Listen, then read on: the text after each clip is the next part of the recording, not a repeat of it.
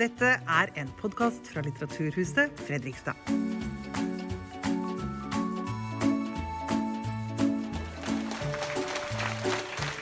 Ja, kjære alle sammen. Hjertelig velkommen hit til Litteraturhuset Fredrikstad. Takk for at dere vil komme. Jeg heter Roy Konradi Andersen og er daglig leder av huset. Det er jo litt rart, da. Eh, vi har veldig mange gjenstander hjemme. eh, Eller i vår besittelse. Vi har kanskje en sofa, vi har en sykkel, vi har kanskje en utegrill, vi kanskje har en bil. Men så er det veldig få ting om noe tenker jeg da, som vi mennesker eier, som vekker så sterke følelser som, som en båt. Den er, som det står i forhåndsomtalen til dette arrangementet, så mye mer enn plankene og formen. Den rommer både helse, balanse, bærekraft og ikke minst frihet. Torolf Kroglund han brukte pandemien og sin egen sykemeldingstid til å uten erfaring bygge sin egen lille robåt. Samtidig så gikk han bakover i litteraturen om båtens lange og omfattende historie, øh, hvor farkosten vel godt kan sies å være en arketypisk del av det å være et menneske. Og så endte det med den boka som, øh, som øh, heter 'Historien om båten', og som er til salgs her ute etter arrangementet. Dette ble, så har det blitt en kritikerrost bok som veksler mellom det nære og det håndfaste. Eh, historien om det å bygge en båt og, og, og en vei ut av krise. Og den store, overordnede historien om båten og hva slags farkost den er for oss alle. Og For å snakke med, med Torolf så kommer Anne Nygren med mye kunnskap og levd liv. Hun har selv vært med å bygge en Lofotjolle, hun driver med seiling, og nå jobber hun som forlegger for det maritime forlaget Flyt. Så da er vi klare. Velkommen på scenen, Torolf Kroglund og Anne Nygren. Så bra. Tusen takk. Skal du åpne boken og Ja, begynne du, å ja, lese? skal jeg rett og slett begynne med å lese, rett og slett. Eh, helt litt sånn fra begynnelsen av boka, bare for å ha satt eh, stemninga litt. Og, og så sier det også kanskje litt om hva slags prosjekt eh, dette var. da. Så jeg bare leser en liten start av boka. Det er krig, og det er klimakrise. Dystopier i alle kanaler. De siste par årene har også vært preget av en annen krise som legger seg som et teppe over verden. En pandemi. En virussykdom som truer alle land. Når den står på som verst, står 100 000 fly på bakken. Båter ligger i dvale ved kai. Det er et fåtall som reiser. Det er en underlig erfaring ikke å kunne reise. Og man tar seg i å tenke på alle dem som reiste før oss, som seilte inn hit og ut herfra på det store havet. Alle båtene som var forbindelseslinjer mellom land og mellom mennesker. Midt i alle disse krisene og under pandemien, som til sammen tar opp i seg proporsjonene til selveste syndfloden, står jeg og uten mulighet til, eh, for å reise noe sted står jeg som nettopp en Noah og bygger en båt. Kanskje bygger jeg et håp, i alle fall en liten, bro, eh, liten robåt, en pram, som skal kunne bære to eller kanskje fire. Jeg bygger etter klinkbyggmetoden, som er direkte nedarvet kunnskap fra vikingene og deres ukjente forfedre, med båtbord som overlapper hverandre, og som klinkes på plass med nagle og roe. Mens jeg bygger, sendes søknad fra alle nordiske land til Unesco om å få denne nedarvede kunnskapen inn på verdensarvlisten. De som lærer meg hva jeg skal gjøre, er en utdøende rase. Eldre menn som liker å bygge båt, og som ikke nødvendigvis kan det å lære vekk så godt. Målet var fra starten av, foruten å bygge, sjøsette og ro min egen båt, også å forsøke å finne ut hva en båt dypest sett er, og hva den betyr for meg og alle andre. Det er et stort prosjekt som jeg aldri tidligere hadde trodd at jeg skulle begi meg inn på. Arbeidet er da heller ikke uten motgang, tilbakeslag og temmelig krevende utfordringer. Farlige kvisthull som truer med et definitivt punktum. Idet jeg begynner, er jeg kanskje i en slags midtlivskrise.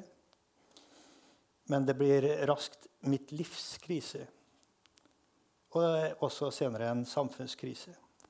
Fra å være en liten flukt fra tempo og stress blir det hele bråstopp. En to år lang pause med ro og sakte tid. En tid for å bygge båt, seg selv og en vei ut av krisen og ut i verden. I isolasjon og rekonvalesensen er det fint bare å bygge og være. Finne fokus, de riktige tankene og ikke minst balansen igjen. Båten må ha bærekraft for byrdene. Det er den som skal bære oss over. Mens jeg bygger, tenker jeg over roen hos roeren. Roeren ror med ryggen mot baugen, med blikket bakover. For hvert åretak glir landet bak lenger og lenger unna. Og ute på fjorden får man da et, en utvidet oversikt og et perspektiv på tingene. Samtidig er man så nær på elementene der man sitter, med bare båtens tynne bordganger mellom seg og det uendelig store og dype havet. Det er jo utrolig vakkert. Så hvis dere ikke har lest boken, så er det bare å begynne i kveld. Um, tusen takk, Torolf. Uh, en kveld her hvor vi skal snakke om det fineste som fins. Vi kan snakke om hele tiden, mange av oss. Og det er jo båter. Og så er det bøker. Og så er det livet. Så lurer jeg på, Toralf, Hva var det som kom først inn i ditt liv? som kanskje veldig liten? Var det, var det boken? Hva kom først? Eller var det båten? båten eller boka, ja. Eller livet. Eller livet. det jo, altså, nei, for meg så var det rett og slett så var det rett og, Jeg er jo utdanna det har jeg glemte kanskje å si, utdanna litteraturviter. da. Så jeg har lest veldig mye bøker. da, men men for meg så var det båten som kom først. helt klart. Jeg vokste opp på Frøya, som er den ytterste øya i trøndelagskysten. En veldig sånn avslepet trøndersk dialekt. Men mora mi kom jo fra London, og faren min fra Frøya. Og så flytta de ut dit når jeg ble født. Eh, så de var på en måte innflyttere dit. Um, og, og, vi hadde en, en, en, en færing, da. Eh, som jeg var med faren min ut og rodde ut Da, Og allerede som 10-11-åring så var jeg ute og rodde den svære båten alene. Jeg, var, jeg er jo ikke så stor nå, men jeg var en veldig liten gutt. da, Så jeg satt uten redningsvest og rodde den svære færingen. Så, sånn sett så, Og det heter jo at uh, nordmenn er født med ski på beina. Det er jo bare tøys. ikke sant? Vi, vi er født med føttene i fjæresteinen. ikke sant? Ja. Um, nei, så det var det. også. var det også det at eh, fra liksom, eh, barndomsvinduet mitt så så jeg ut på fjorden, og der eh, kom jo hurtigbåten fra Trondheim. da. Liksom Forbindelseslinjen inn til verden, på en måte. Mm. Frøya er ytterst ute. ikke sant? Altså, eh, eh, så jeg så den båten så hver dag. Så båten kom først? Båten kom definitivt først. Og så har du holdt på masse med bøker. Men så bestemmer du deg for å bygge en pram. Eh, og så skriver, bestemmer du deg for å skrive en, en, eh, skrive en bok. Ja. Parallelt? Eh, ja, altså eh, Da var jeg kultursjef i Risør. Og Risør, eh, det vet jo de fleste, er en sånn type trebåtby. sant? Altså, eh, og jeg, jeg, bor jo egentlig i Lillesand. og pendla til Risør. Og det var en 100% stilling. Også I tillegg så er jeg jo forfatter. da, eh, Og hadde skrevet en bok om ål, faktisk. Fisken ål. Eh, 'Reise med ål' heter den. så Sære tema. Eh, men den eh, hadde slått godt an, og den var oversatt til engelsk, nei, svensk og tysk eh, den høsten som jeg begynte med, med den jobben som kultursjef. da. Eh, og kona mi eh, jobba også 100 og, og, og, var politiker på si. Så vi møttes på en måte på um, kjøleskapsdøra, og så hadde vi sånn ukekalender. Og så hadde vi sånn hull i kalenderen. Det var der vi møttes da. Og når jeg kom hjem til henne og sa eh, som kultursjef i Risør, så, så, må jeg jo lære meg å bygge en båt, en, en pram. Det var sånn det startet Ja. som kultursjef. Ja, og jeg syns ikke hun var noe lurt, da, men, men eh, jeg tenkte at det var smart. Og jeg hadde allerede en sånn tanke i, i huet på at eh, jeg syns det mangla en bok som på en måte tok liksom båtens historie. da. Det fins jo en god del bøker om båt, men Mm. de er veldig sånn um, oppskriftsmessige. sant? Altså. Tekniske Ja, veldig tekniske. veldig, mens båtens historie, som er liksom, eh, den er jo fantastisk svær historie. ikke sant? Og, så det å gå til kjernen på det, da, det, det tenkte jeg hadde en litt sånn formening om. Og, det at jeg skulle liksom bygge denne prammen sjøl, var en veldig sånn god ramme for mm. Eller utgangspunkt for det, da. Og da en båt, da kommer det egentlig det veldig store spørsmålet, da. Ja. Som kanskje vi kan bruke hele kvelden på. Hva er egentlig en båt? Det er jo planker. Selvfølgelig. Men hva, er, hva tenker du hva er en båt? Foruten plankene og formen, ja. Det var det forresten. Jeg var i Sandefjord i, i går og hadde en sånn samtale der. Og, eh, eh, og det var nesten bare damer der, faktisk. Det var litt morsomt. Eh, Her er det 50-50. her er det sånn eh, ganske jevnt mellom eh, Men og der var det noen som sa ja, båten har jo en kvinnelig form. Så Det var litt så morsomt. En litt annen type tankegang. Og den gis ofte et eh, Men eh, spørsmålet ja, hva er en båt? Ja, for det var det på en måte Det var det jeg spurte meg liksom spørsmålet hva er, altså En ting er at jeg satte sammen disse plankene og begynte å bygge. ikke sant? En pram er jo også Man begynner bare med en bunnplanke, ikke sant? og så bygger man planke på planke opp. Um, men foruten den formen, hva er en båt da? Og det er et svært, svært tema, da. Som jeg prøver å, å beskrive i, i boka. da. Eh, og Det er så overbefattende. Jeg har lest den nå to ganger, og så må jeg begynne på, på, på, på nytt igjen. ja, Omfattende og veldig eh, spennende. veldig spennende. Det er, Nye tanker òg. altså, hva, man kunne nesten liksom snudd det spørsmålet og sagt eh, Hva hadde vi vært som mennesker uten båten? Ja, knapt nok noen ting, tror jeg. Eh, altså, tenker også Båtens historie. Hvor lang er båtens historie, da? Altså, Om begynner der, da. Si, um, eh, og da har jeg en litt sånn morsom ting på det at eh, båten er i alle fall eldre enn hjulet. Man snakker om oppfinnelsen av hjulet. Eh, mye eldre enn alfabetet. Alfabetet kom jo på rundt 2000 før Kristus eller noe. Eh, skriftspråket, altså. Vi snakka jo selvfølgelig, men skriftspråket Eh, altså Så må det være det aller, aller eldste kommunikasjonsmiddelet i, i verden. Kanskje faktisk noe av det første vi fant opp. Eh, vi er jo alle afrikanere. Det vet dere. Ikke sant? Eh, det er iallfall den siste teorien som fins. At, at alle mennesker har vandra ut fra afrikanske kontinentet. Og på et eller annet tidspunkt der så må man ha funnet opp en eller annen type båtfarkost. Det er så langt tilbake, 100 000 år tilbake i tid, at det fins ingen bevis for det. Men, men antageligvis så starter båtens historie der. Eh, og så er det jo videre opp igjennom Og jeg hadde også en sånn samtale med, med han eh, poeten Håvard Rem eh, oppe i Bodø eh, om dette med båtens historie. Han hadde en sånn morsom historie. Han hadde reist til det stedet på kloden som er lengst unna havet. Som er et sted som heter Urumki. Og det ligger altså i, helt oppe mot Kasakhstan, blanding av Kina og Kasakhstan. Oppi, Helt oppe altså, i det euroasiatiske eh, kontinentet. Da.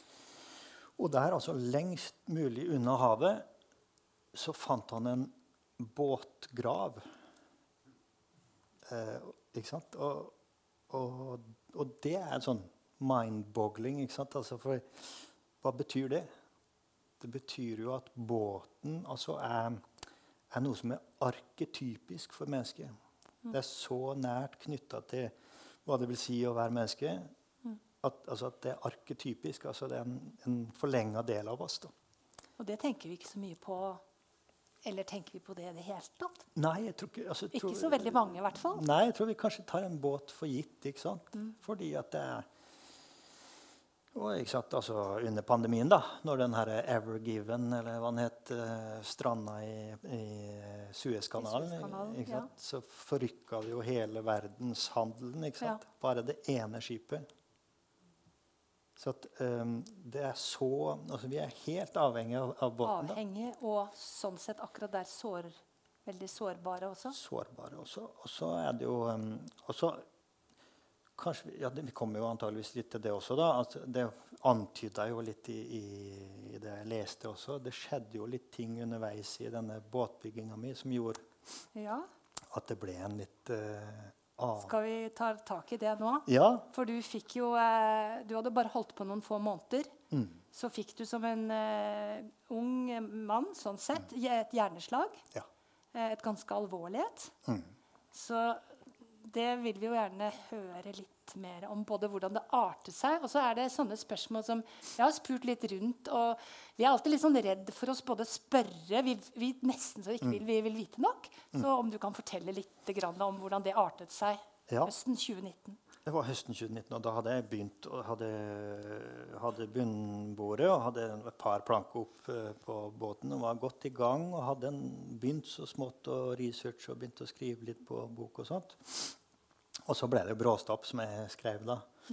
Eh, og det er litt sånn eh, slag jeg aldri tenkt på. Jeg var litt sånn eh, sunn og løpt eh, masse terrengløp og sånt. Og, Eh, Så det var, liksom, det var det siste jeg hadde tenkt, altså.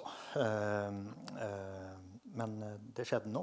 Og det var ganske dramatisk. Jeg lå to døgn på Du falt jo sammen litt. Grann, bare fortelle litt sånn akkurat hva Ja, liksom, helt du- konkret. Altså, Jeg hadde jo den hybelen i Risøla. Eh, og hadde vært og bygd på båten kvelden før. Eh, og så hadde jeg gått i to uker og hatt litt sånn vondt i nakken. Og det er jo det vanligste som fins. Man har vondt i nakken. Det er den vanligste plagen som jeg har googla det og alt. da. Eh, eh, så tenkte jeg ja, nei, det er ikke noe vits å gå til doktor med det. altså. det Ta en Paracet. Paracet og rødvin. ikke sant? Eh, men så satt jeg en morgen der og så liksom skulle jeg prøve å knekke opp det der i nakken. Og, skal, liksom, og når jeg knakk opp der, så plutselig så pang, og så gikk det bare rett i, i hodet. Og plutselig så gikk jo verden rundt i en helt sånn vill karusell. da.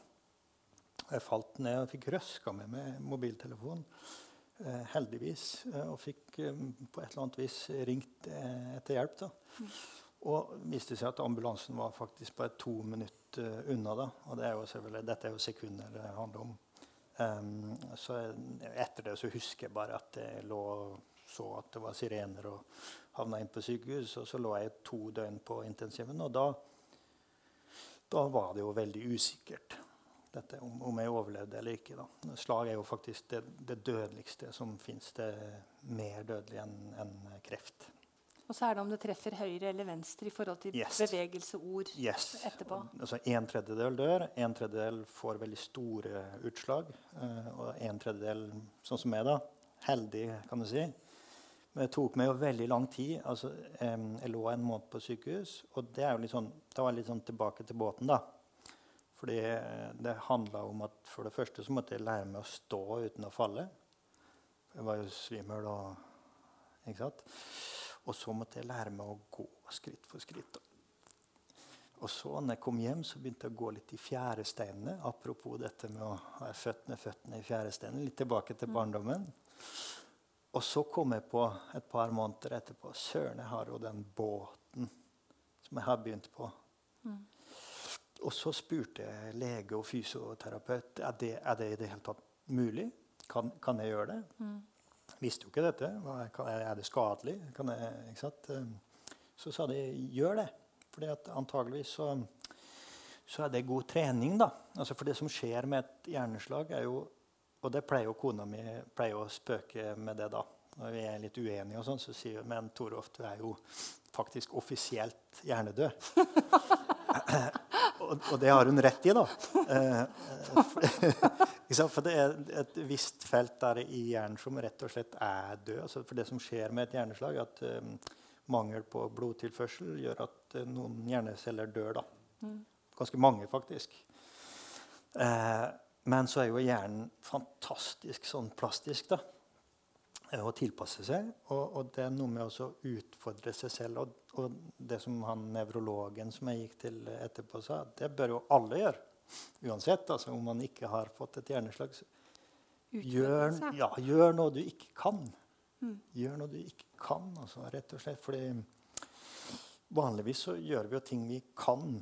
Og hvis vi gjør noe vi ikke kan, så Det var vi... hyggelig å si, for det er der jeg sitter her og gjør noe. ja, ja, ja, Du var litt nervøs på, på, på forhånd. ikke sant? Det er kjempebra å utfordre seg selv på eh, å gjøre ting man ikke kan, fordi da lærer hjernen nye ting. Så det er utrolig mye hjernehelse i, i faktisk det å utfordre seg selv. Og for meg så var det å bygge en båt det var ganske fjernt. Altså, jeg er jo akademiker.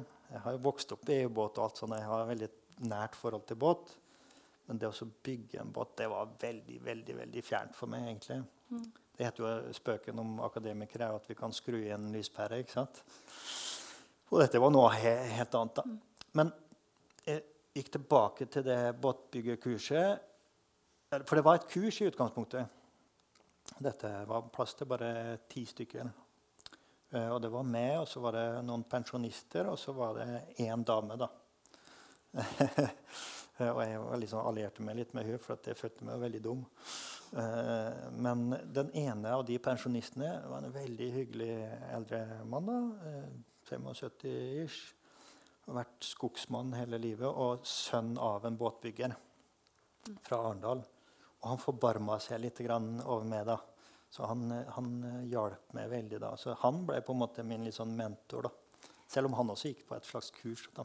Men var, sånn, hadde du fått i altså, bevegelse i fingre og kropp eh, gikk, og, og, hodet? da? Mm. Hvordan gikk alt dette her i båt ja. mens du holdt på med båten? Det verste var sånn balanse, og at det ble veldig sånn kvalm og uvel av å stå liksom, på hodet og høvle. Mm. Og sånt. Og så var det også noe med det var noe spørsmål i, i forhold til dette med koordinasjon. Mm. For du skal jo høvle på millimeteren. ikke sant? Altså Hvis du høvler litt, litt feil, så, så, kan det være følgefeil. ikke sant? Og så mm. blir det litt for store sprekker, og så synker skipet. ikke sant? det skal gjøres veldig riktig å bygge en pram, selv om du ja. har en god hjelper ja. eh, og er på et kurs. Ja, og det var jo han, han um, og det var jeg litt usikker på. Dette med koordinasjon var jeg usikker mm. på. Så det, jeg regna jo med at når jeg sjøsatte båten til slutt da, For det, det, kan jeg jo røpe, det blei båt. da. Den er jo, den er jo på forsida her. Altså. Det, blei båt. Og, og, og, men når jeg sjøsatte den, så var jeg så sikker på at den var som Vasaskipet, at den skulle synke. da, mm. At jeg faktisk hadde på meg badebukse. Så jeg fulgte båten ut, liksom. helt sikker på at det var blod, blod, blod. Men så fløyt den jo faktisk, og det var helt sånn Hæ? Men du bygget kanskje veldig nøye Hjalp til å være akademiker, tror du, i byggingen? Ja, Nøyaktigheten, ikke linsnekker? Nei, jeg takker iallfall eh, han, eh, han eh, Øyvind, da, som var med. Han er litt sånn med som en karakter i boka også. fordi at han lærte meg jo utrolig mye. Og den kunnskapen den var jo litt annerledes enn den akademiske. som jeg vant til. Det var ikke boklig kunnskap. Det var kunnskap som han hadde fra sin far.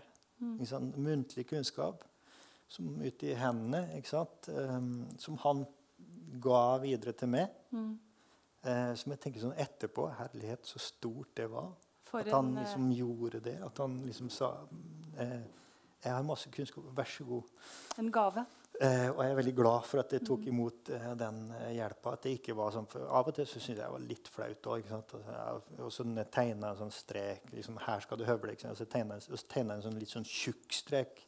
Og så, og så var jeg sånn Oi, søren, jeg bomma litt. Så tok jeg litt sånn Og så kom han og så sa Men du, hvor skal du høvle hen nå? Ja. Uh, han stoppa deg i tide? Ja, ikke sant? Fulgte med på alt du gjorde? ja, tok med litt på det. Og det, og det var fint. da. Altså, en annen ting også at uh, ja, Det var masse verktøy som jeg ikke hadde peiling på der. ikke sant? Um, Så jeg skulle gå og kjøpe en høvel, f.eks. Så gikk jeg på butikken og så kjøpte jeg den dyreste, flotteste høvelen. Det var grisedyr. Eh, aldri hatt et så dyrt verktøy.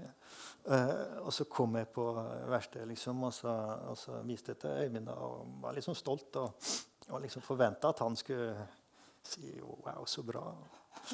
Og så liksom prøvde han Nei. Nei, ikke den var Den var ikke noe bra. Eh, Den funka ikke, rett og slett. Eh, Den var for glatt under. Nei, det var et eller annet galt med den. Og så kom han med sin gamle høvel som han hadde arva fra faren sin. da, Fra 40-50-tallet. Eh, sikkert en billig høvel den gangen. Eh, og jeg fikk prøve den, og den var altså mye, mye bedre. Eh, så det var en sånn aha-opplevelse. ikke sant? Eh, og ikke sant, at han viste meg hva var innside og hva utside på veden her. Hva, masse sånne ting da, som jeg, eh, som jeg lærte veldig av. da. Som jeg også har med i boka. for det, det er jo lærdom, det er to, si, to årer her. da. I, I boka blir det to, to lag. da. Det ene er den helt sånn faktiske, den på en måte praktiske, Praktiske faktiske ja. kunnskapen. Eh, men så er det også den historiebiten der. da. Det er jo eh, Med all historikken rundt. Skrev du det da parallelt med at du nå, nå er vi liksom inne i den prosessen Mm. eller den tiden hvor du på en måte begynte å bli veldig mye bedre? Da, da er vi Ja. et stykke ut på Litt ut på nyåret 2020. Vi har ikke Mm. Ja. kommet til mars ennå. Vi har ikke kommet til 13. mars ennå. Eller til, til da Ja, det neste som skjer. Ja, ja, ja. Ehm, ja da, pandemien da hadde jeg akkurat så vidt begynt å komme med Da hadde du alltid akkurat kommet deg. Ja. Så det var den tiden du Da, da var det pandemi, og du, du kom, var bedre i kropp og sånn sett også i Ja. hodemotorikk. Ja, og da hadde vi kommet i gang med båtbygginga vår, eh, jeg og Øyvind og to andre pensjonister der inne i det. Stoppa det helt opp da? Og så stoppa alt opp, og liksom de tenkte egentlig de skulle stenge verkstedet og greier, og vi sa nei, ikke fader, altså. Eh, Nå er vi i gang, og dette skal virkelig ikke Så vi var, og til å begynne med så holdt vi jo litt sånn eh, litt avstand og alt dette med, som var i pandemien, da, som vi husker med gru nå, da. Eh, men det varte jo bare en halvtime, og så sto vi sånn kjempenært. ikke sant? Så var, bare Det var ikke så bra. Men det gikk bra. Det gikk jo bra. Det hadde jo ikke vært noe særlig å fått covid for deg på toppen. Nei, kanskje ikke, kanskje ikke eh, der, da. Så det, vi er glad for at det gikk bra. Ja, det kan du si. Så, men, men da var vi godt i, i gang igjen, og, og da skrev jeg ja, eh, allerede på eh, boka. Eh, og hadde en formening, og den, det ble mer og mer, og jeg skjønte at dette her er jo et enormt felt som veldig få har skrevet om. Så at, eh, eh, og det var egentlig også antageligvis også litt trening, det også, kognitivt. Jeg visste jo heller ikke om jeg har skrevet en god del bøker før, da, og, og de har vært for så vidt kritikerrost. og sånt. eh. Og jeg visste jo ikke faktisk om jeg kunne skrive heller. Ko, det er jo kona di som har sagt at du er hjernedød, så hvis Ja. hun sier det, så, så har jeg lov til å si det Ja, sant, ja, ja. Eh, En hjernedød forfatter. Kjente du liksom var det, var det annerledes å skrive? Det var egentlig det, ja. Fordi at jeg også ikke visste om det var bra.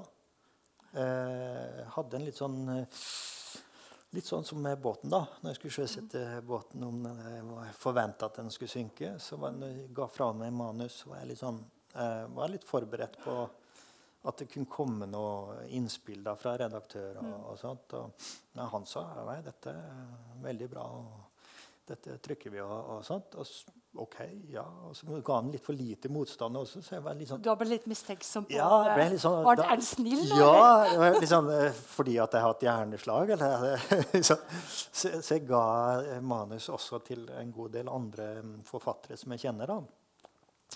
Eh, og de ga også innspill, og de ga noen innspill som jeg også endra. Og, sånt, da. eh, og så har jo for så vidt eh, det vært gode kritikker og sånt. da. Så nå, nå vet jeg at det er bra, da. Eh, og det som er litt morsomt, er at det kanskje faktisk er litt bedre. Mm. Altså, fordi bedre- du, du har gått inn i det med et annet utgangspunkt enn du hadde gjort eh, før eh, hjerneslaget og og man båtbyggingen og pandemien. Ja. eh, altså En ting er jo eh, altså når man opplever eh, litt sånn alvorlig sykdom, da, eller en traume, eller hva som helst. Det kan jo være hva som helst. Det kan være å kappe av seg foten eller ikke sant? Altså, Skilsmisse er veldig vanlig. Det er også traumatisk. Så Det kan være hva som helst, men altså, det å oppleve en eller annen sånn type hendelse i livet, da, en krise, rett og slett, å oppleve en reell personlig krise Det er ikke sånn at det automatisk gjør deg klokere. Det er, Det det er en slags klisjé, det egentlig, men, men det kan gjøre noe med det Mm. hvis du er liksom åpen for det. Og så er det også faktisk, Jeg har jo gått mye til han nevrologen og undersøkt dette veldig nøye, som den akademikeren er. da, Og funnet ut av dette med hjerneslag. Eh, altså Den typen hjerneslag som jeg hadde, det var i li, venstre lillehjerne. Det er veldig dumt å kalle det lillehjerne, for det, det er der det er mest hjerneceller, faktisk. Men, eh, men iallfall venstre lillehjerne. Der produseres det eh, noe som heter serotonin. Og det var liksom morsomt i, i går, da når det var bare damer i salen. Så trodde de at jeg sa testosteron, men det er ikke testosteron. altså. Bare for å ha sagt det. Uh, men serotonin det er et eh, kjemisk stoff som, som produseres i venstre lillehjerne. da. uh, som er et slags sånn lykkehormon, egentlig. Eh, og så sier han nevrologen min da, som Han var også psykolog, da, nevropsykolog, så det var egentlig litt interessant at før du hadde det slaget, så var nok du litt mer sånn type alfaaktig, da. Jeg liksom synes det er et teit begrep, da, men, liksom alfamannaktig type. da, Veldig sånn selvsikker og bla, bla. Mens nå er du lykkeligere. Nei, Nei. nå er jeg faktisk det motsatte. Produseres mindre serotonin. Ja. Betyr at det er kanskje litt mer ydmyk. ja. Litt mer uh, nedpå. Litt mer, uh, og litt mer forsiktig. Litt uh, usikker. Mer usikker. Hvordan opplever du det, den forandringen selv? da? Levd uh... Jeg merker ikke så mye sjøl, men det er klart når han sier det, så merker jeg det. Og kona mi merker det. Og kona mi sier du er en bedre mann nå enn før. Å, det var hyggelig! Og det er jo litt morsomt i forhold til dette med å skrive, da. Fordi jeg tror faktisk at man kan bli en bedre forfatter av å være litt mer ydmyk, da. Kanskje lytte bedre, ikke sant. Eh, ikke bare mm, kjøre på. ikke sant? Altså det, så det kan være, litt mer sånn sensitiv. Så at eh, alt i alt, da, så kanskje kom det noe, noe, Noe noe bra. Jeg skulle veldig veldig gjerne vært foruten. Det Ja. er helt sikkert. Men, men eh, hele den prosessen da, som, Alt dette ble jo blanda inn i hverandre. ikke sant? Eh, bygge båt, skrive en bok om båtens historie. Oppleve en personlig krise med, med slag, hjerneslag. Um, og for så vidt også det å se døden i hvitøyet. ikke sant? Uh, og altså det, for Jeg kom på det altså når du spurte det spørsmålet hva er en båt egentlig. Uh, da kom jeg også litt tilbake til det hva er en båt i et litt mer sånn eksistensielt uh, perspektiv. da. Ikke sant? For en, en, en båt For det første så er det jo et utrolig bra bilde på sant, denne skjøre farkosten som vi sitter i, og under oss er avgrunnen. ikke sant? Altså, det er jo et utrolig lada bilde i seg selv. Men så har vi også sant, altså vi har alle disse vikinggravene, for eksempel, altså, eh, båtgravene. Hva er det for noe?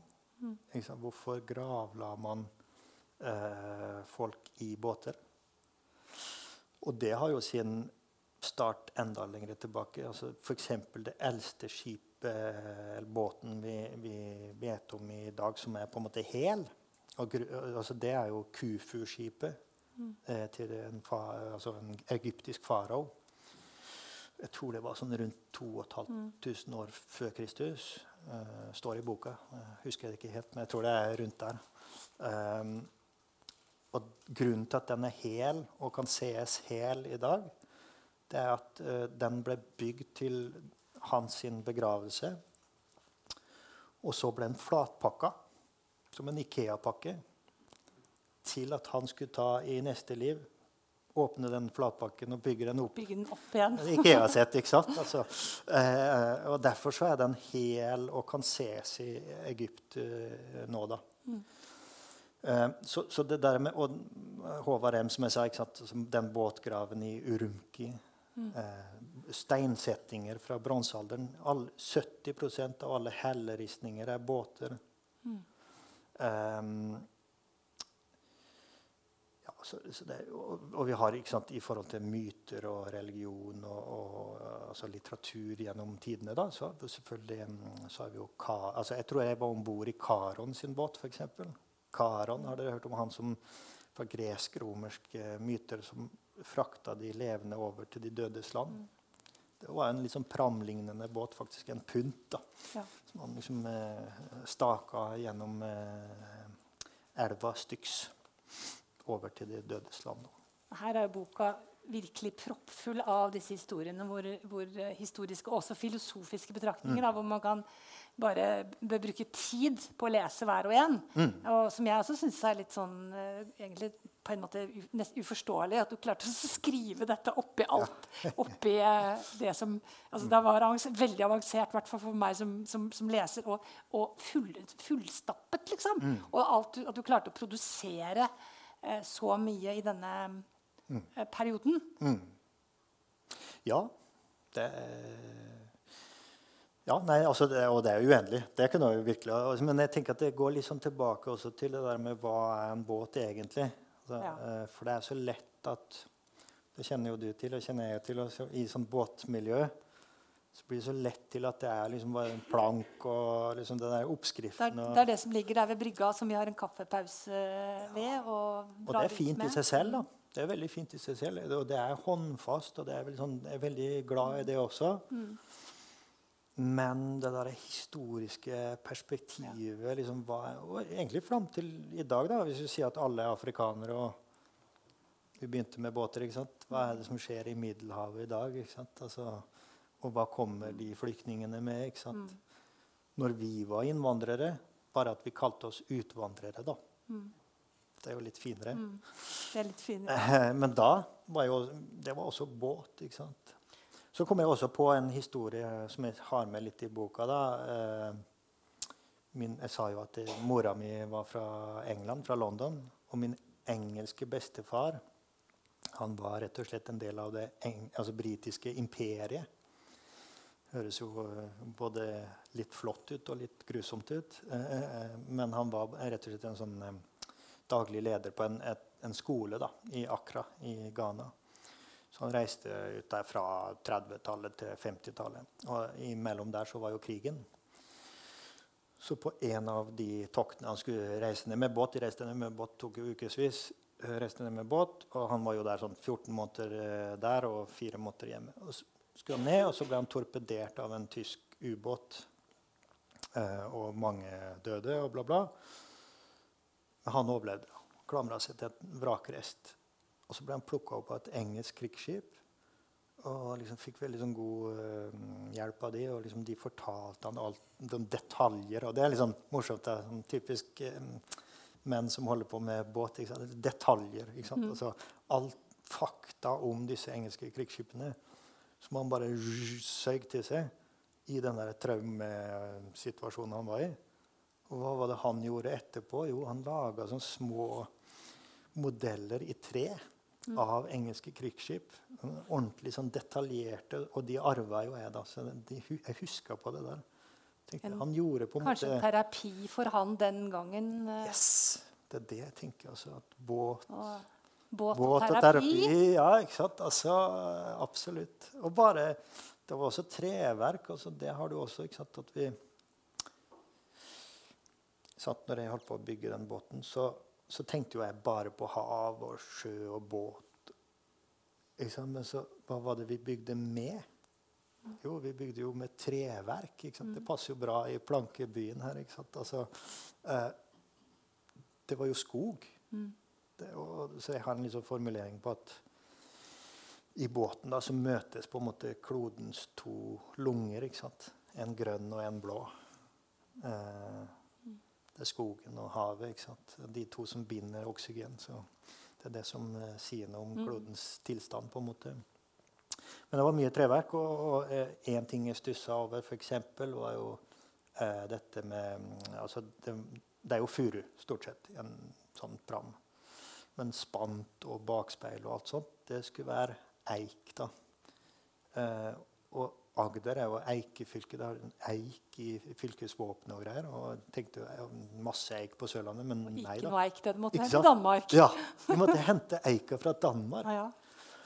Og det stussa jeg veldig på. Jeg tenkte sånn, hva i all verden? Og så undersøkte jeg jo litt uh, det. Og da viser det seg jo plutselig at vi som er nordmenn, vi tenker jo at vi er en sånn miljønasjon og natur og alle de skogene vi har. Det er bare visvas. Det er jo bare et par prosent igjen av ordentlig gammel skog. Det meste er rett og slett industriell. Det er hogga ned for fote. Så det er ung skog vi har. Og det merka jo de som skulle lage den nye stavkirken nå, f.eks. De fant ikke stor nok uh, eik, da. Eller furu. Jeg husker ikke helt om det var furu eller eik. Jeg tror det var eike. F- Altså fant ikke gammel nok, stor nok.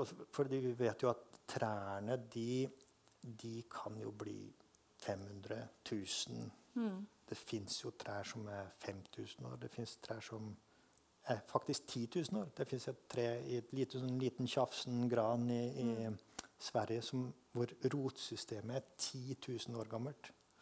Som har klona seg sjøl hele tida. Så det har vært en levende organisme i 10 000 år. Og det, jo, altså det går ikke an å tenke seg nesten engang. Men i Norge så kutter vi ned trærne når de er 40-50. Altså bare ungdom. Ikke sant? Så det, det er også en sånn aha-opplevelse man kan få da, når man går litt sånn tett inn på noe som er natur. da.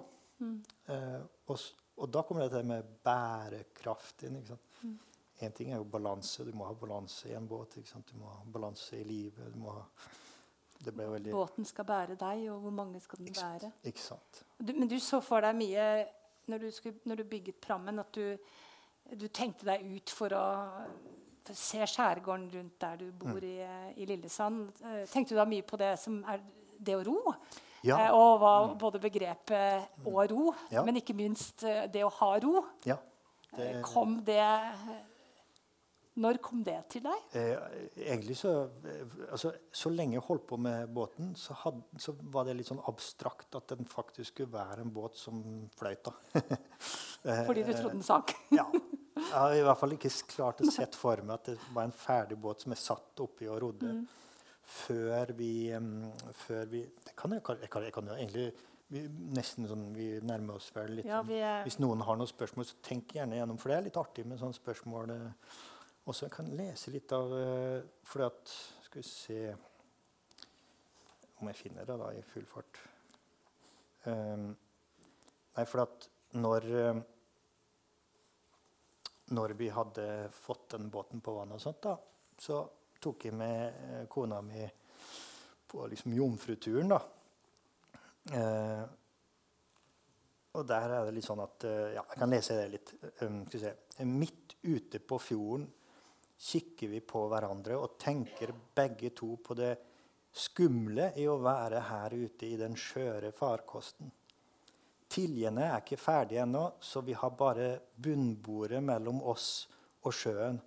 Det pipler litt vann inn fra de øvre sidebordene, der hvor trykket er størst, og hvor det ikke har vært noen trutning så langt.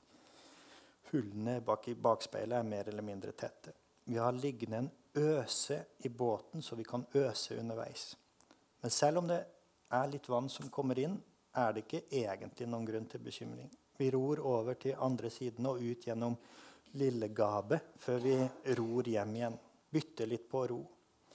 Når jeg sitter bak og bare nyter, går det opp for meg at byggverket nå faktisk er en ferdig båt. Som ikke bare flyter, men som kan brukes med årer og kanskje med seil en gang. Det er nesten vanskelig å tenke seg tilbake til starten før både slag og pandemi. Hvem var vi da? Nå ror vi fra det hele. Jeg tenker på den hvelvede, råt- råtne prammen vi så på tur etter at jeg kom ut av sykehuset. På at Cecilie, som da er kona mi, så meg når jeg var svakere enn jeg noen gang har vært. Vi har vært sammen lenge, over 20 år. Foruten fødslene til våre to sønner har dette vært det mest skjellsettende og overskridende vi har opplevd sammen. Båten ror mellom oss. Båten bærer oss over. Den holder oss. Det presser på sidebordene og pipler inn i sprekkene. Under lurer dypet, og horisonten er uendelig. Når Dante følger sin veiviser Vergil til det hinsidige, stusser han over at han tynger ned Karons båt. De andre som er om bord, er jo døde og veier derfor ingenting. Det er livet som har tyngde. Byrde krever bæreevne. Farkosten må være solid, men trenger ikke være perfekt. Når så mye i verden virker håpløst, er det kanskje vanskelig å se meningen med det hele, men med håp og tro kan man bygge mening også i lidelsen. Gjenfinne balansen. Kjærligheten har bærekraft. Vilje til liv. Det er så vakkert at jeg vet ikke om jeg skal ta det siste jeg har å si her. Det, eh, det var Nei, jeg, bare, jeg bare kom på at også det med å ro altså Nå har jeg jo hatt den båten i Dette blir den tredje sommeren. Og litt, for det var veldig, veldig fint det der med ro. Altså, du får Får veldig ro. altså. Veldig, Også det, for det er noe med Jeg har jo en kajakk også. Ja. Og en motorbåt også. Men, eh, og kajakk er mye mer effektivt. og, og sånt. Eh, men, men å ro sant? Du er nødt til å ha sånn seige tak. ikke sant? Hvis du kaver, så blir det veldig dårlig. Og en, spesielt en pram, for den er litt sånn at eh, jeg er jo mer vant med sånn færinger som bare glir gjennom vannet. Prammen er roligere. ja, den nesten stopper litt opp hvis du stopper og ror. Spesielt hvis det er litt motstrøm eller motvind.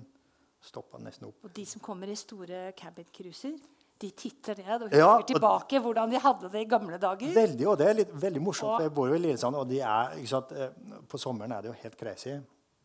Eh, svære båter, ikke sant, og sånn folk fra Bærum, ikke sant. Ja, og, og, og hvis jeg hadde vært i kajakk, så hadde de antageligvis gønna på litt for å gi litt bølger og sånt.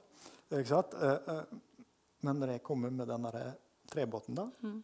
roer de ned, og så ser de veldig og så, Oi, så vi- flott. Og, så Skal vi oppfordre alle til å bytte ut eh, om det er noen her med sånn gummiplastjolle?